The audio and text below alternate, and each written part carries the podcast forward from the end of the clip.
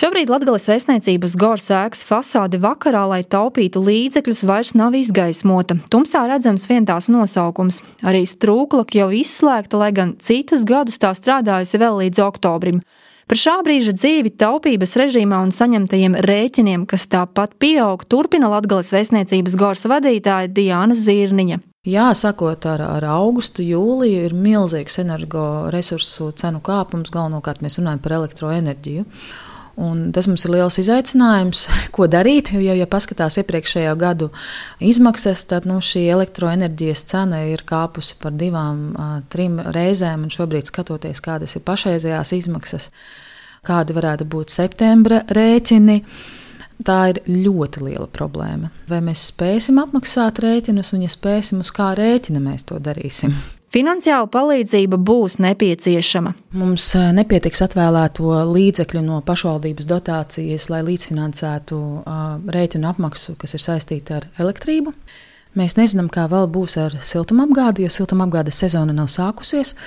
Siltumapgādes ziņā mēs esam pilnīgi nošķirti karstā ūdens sagatavošanas ziņā no pilsētas, jo mēs paši sildām ūdeni, kad tas ir vajadzīgs, ko mēs nedaram šobrīd, protams. Jau pandēmijas laikā bija jāmeklē veidi, kā taupīt, un tie tiek meklēti arī šobrīd, norāda Daugopils Marka Rotko mākslas centra vadītājs Māris Čačka. Taču, ja mākslas centrā var taupīt uz elektrības patēriņu, tad uz siltumu gan nē.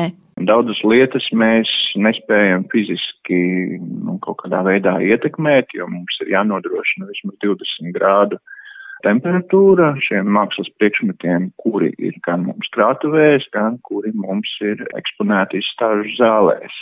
Un tas uzliek tādu papildus spriedzi un, un papildus domas, kur vēl ko un kā varētu taupīt, un kaut kādi apgalvojumi, ka mēs varētu pašvaldības un valsts institūcijās nomazināt temperatūru ziemā līdz pavisam minimumam, vai kaut kādas funkcijas veikt attālināti, nu, tas nav attiecināms pilnīgi uz visām institūcijām. Marka Rotko centrs ir pašvaldības iestāde, tādēļ gaida, ka pašvaldības spēs finansiāli palīdzēt attiecīgi izmaksu pieaugumam, arī palielinot dotāciju, kas tiek piešķirta ēkas uzturēšanai.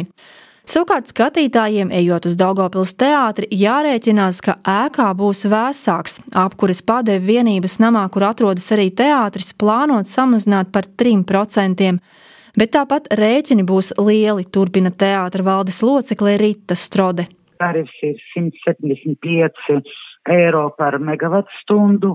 Un, um, ja pat mēs iekonomēsim, mēs jau saskaitījām kopā ar siltumtīkliem 50 megawati, nu, praktiski mēneša ja patēriņu, vienalga mums būs jāmaksā par apkuri par 43% vairāk nekā mēs maksājām iepriekšējā sezonā. Elektrības rēķins par augustu teātrī esot mazliet lielāks nekā iepriekšējā gadā, taču kāds tas būs septembrī, nezina. Tas atkarīgs no biržas cenas. Tāpat arī septembrī teātrī darbība notiek jau krietni aktīvāk. Visvairāk kilovatu ņem, protams, ka mūsu visi gaismekļi, kas atrodas uz skatuves. Protams, ka mēs samazināsim patēriņu, tas ir skaidrs, jo neskatoties to, ka tagad ļoti augsti mēs neslēdzam nekādas eh, elektroierīces, lai sasildītos, arī sekojam tam, lai nekur nebūtu liekas pulzi atstāta arī izrādes laikā, ja agrāk foijē mums uh, bija apgaismota,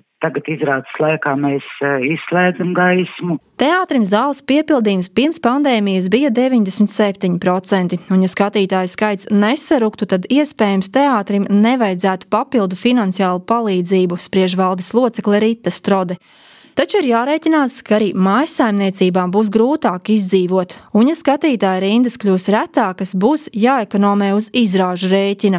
Sāksim taupīt uz izrāžu dekorācijām, kostīmi, mums ir kaut kādas rezerves, gan, gan koksne, gan metāls, gan audumi un tā tālāk, nu mēģināsim kaut kā izgrozīties, jo mūsu visu uzdevums nesagādāt sev parādus. Pagaidām gan vēl nevienā no uzrunātajām kultūras iestādēm neizjūt, ka esošā situācija būtu mainījusi kultūras apmeklētāju pāredumus. Tomēr jāņem vērā, ka iedzīvotāji vēl nav saņēmuši pirmos apkuras rēķinus. Jautājot par biļešu cenām, teātrī tās neplāno mainīt. Dažos pasākumos tās pieaugušas Latgales vēstniecībā Gors. Taču Marka Rotko mākslas centrā prognozēja, ka cenu būs spiesti palielināt nākamajā gadā. Lāsma Zuta Vīto Latvijas radio studija Latgalē.